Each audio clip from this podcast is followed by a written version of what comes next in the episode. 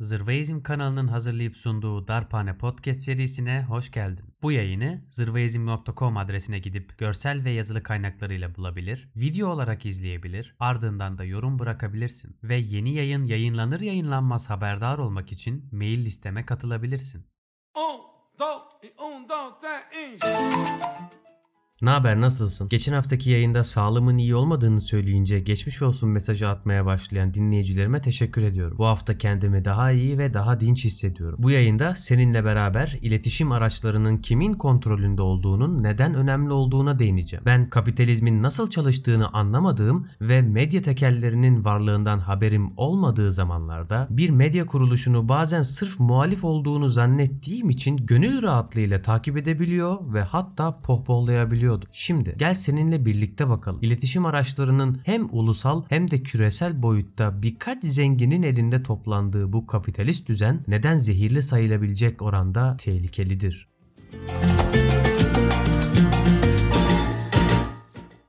Sana bir soru sorarak başlayacağım. History Channel, Fox, CNN, TNT, NBC, ABC, National Geographic bu gibi kanalların adını mutlaka duymuşsundur. Sorum şu. Bu kanallar ayrı ayrı hedef kitlelere hitap etmek dışında ne gibi bir ortak yöne sahipler? Aslında bunların hepsinin sahibi birkaç tane şirket. Eğer kadranı genişletip hangi haber kanalı veya gazetenin hangi sermaye grubuna bağlı olarak çalıştığına bakarsan da ortaya çıkan tablo şu ki bu iletişim araçlarının tamamı neredeyse 5-6 tane büyük şirket tarafından yönetiliyor. Sen de eğer yayını dinlerken zırvaizm.com'a girip bu bölümün görsellerine bakarsan bir tablo halinde hangi yayın kuruluşunun hangi sermaye grubuna ait olduğunu açık bir şekilde gösterdiğimi görebilirsin. Kapitalizmin sözde iyi işlediği Amerika Birleşik Devletleri'nden örnek verecek olursak bu şirketlerin sayısı 1980'li yıllarda 50 taneyken günümüzde 5 şirkete kadar indi. Senin de içinde bulunduğun ülkede birçok kapitalist devlette bu durum aynı. Yine küresel olarak bakacaksak burada durum hiç mi hiç farklı değil. Küresel boyutta iletişimin ve kitle iletişim araçlarının kontrolü birkaç ajansa bağlanmış durumda. Bunlar Reuters, AFP, AP, APA, DPA ve SDA. Yayının sonraki kısmını aklında tek bir soruyla birlikte dinlemeni istiyorum. Bu basın yayın şirketleri, ajanslar eğer bir şey kazanmasalar neden bize ücretsiz bir şekilde haber alma özgürlüğünü sunsunlar ki? Demek ki burada ürün bizleriz. Biz ürünün kendisiyiz. Kar amacı güden bu basın yayın araçları, ajanslar sadece reklam gelirleri veya aboneliklerle mi geçimlerini sağlıyor? Elbette hayır. Bu ajansların hepsi bulundukları devletten açık bir şekilde olmasa da yardım alıyorlar. Elbette ben devlet destekli sermaye muhabir muhbir ticaretini açığa çıkaracak kaynaklara sahip olmadığım için ileri araştırmayı senin yapmanı istiyorum. O şirketlerin yönetim kurullarında kimlerin yer aldığını, yine o şirketlerin arasındaki çıkar ilişkilerini basit bir araştırma yaparak öğrenebilirsin. Bazı konularda fikirlerine katıldığım Noam Chomsky'nin Rıza Üretimi isimli kitabında bahsettiği gibi iletişim araçlarını kontrol edenler halkın zihnine hükmederler. Devam edelim. Peki ben ne yapacağım? Doğrudan bu kar amacı güden grupların eylemlerine bakarak arkalarındaki motivasyonu açığa çıkaracağım. Ve eğer hala televizyonunun açma kapama tuşuna bastığında veya bir internet haber sitesine girdiğinde tırnak içinde haber alma özgürlüğünü kullandığını sanıyorsan neden yanılıyor olabileceğini anlatacağım.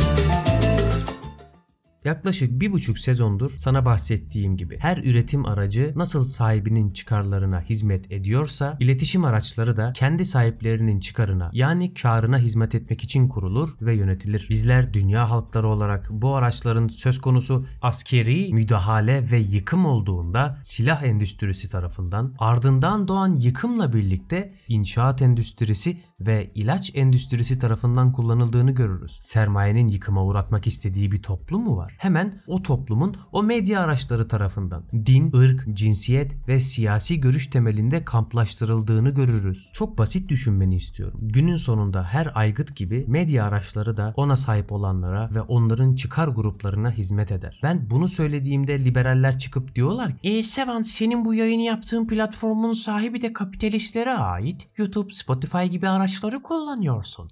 Buna ne diyeceksin? E diyorum ki bu mantıkla ilerlersek benim kapitalist bir şirket tarafından üretilmiş içme suyunu, şu an kullandığım bilgisayarı veya evime gelen elektriği dahi kullanmamam lazım. Bu lümpenlere kalırsa bizim gibi kapitalizmin ötesine geçmemiz gerektiğini söyleyen insanların kapitalist araçları kullanıp kapitalizme giydirmektense münzevi olup yaylalarda yaşamaya başlamamız lazım. Elbette bunu yapmayacağım. Elbette kapitalist araçları ve birikimleri kullanıp bu düzenin ötesine neden geçmeliyiz sorusunu her fırsatta soracağım. Her neyse devam ediyoruz. Medya araçları sermaye gruplarına hizmet ederken bizim karşımıza bir kavram çıkıyor. Bunun İngilizcesi confirmation bias. Türkçesiyle onay önyargısı veya doğrulama önyargısı. Bu kavramı kullanırken gönderme yaptığımız şey aslında şudur. Bizler insanlar olarak sahip olduğumuz değerleri destekleyecek bilgilere ve yorumlara açığızdır. Bilgi akışlarını takip ederken sürekli bizi destekleyecek bilgi kaynaklarını tercih ederiz. Tam bu noktada birer indoktrinasyon ve propaganda aracı olarak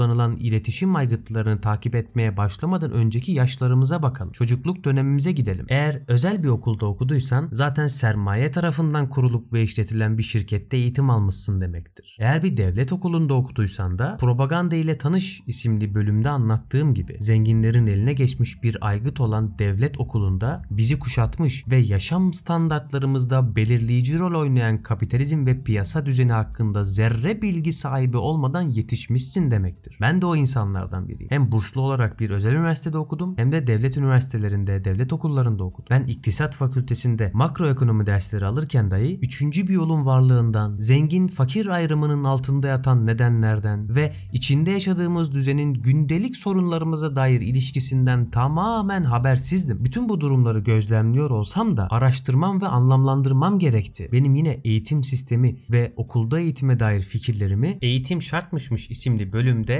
dinleyebilirsin.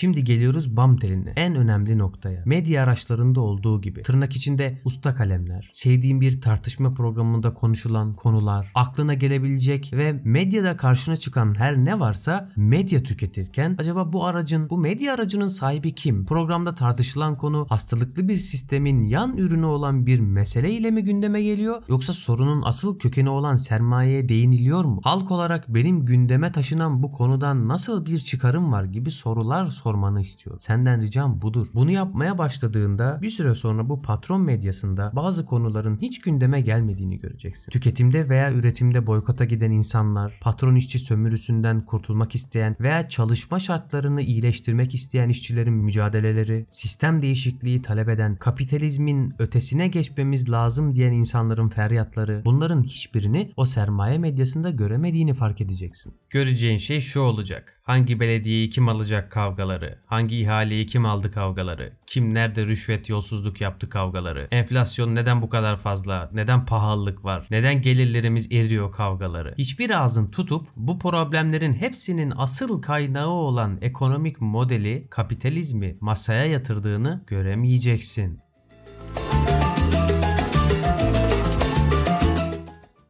Unutma seni, zihnini ve yaşantını kölelikten kurtaracak şey gerçeğin ta kendisi. Bu yoldaki en büyük engellerden iki tanesi ise halinden memnun olan köleler ve şirket medyası. Üstelik başka bir dünya ve hep birlikte kurtuluş mümkünken. Eğer diyorsan ki başka bir dünya mümkün ve bu yayın devam etmeli, patreon.com'da Zırveizm adına küçük katkılarını iletebilirsin. YouTube'da, Twitter'da ve Instagram'da arama çubuğuna Zırveizm yazıp takip ederek de katkıda bulunabilirsin. Senden özel isteğim bu yayını en az bir kişiyle paylaşman ve onun da fikrini sormandır. Sonraki yayında görüşmek üzere.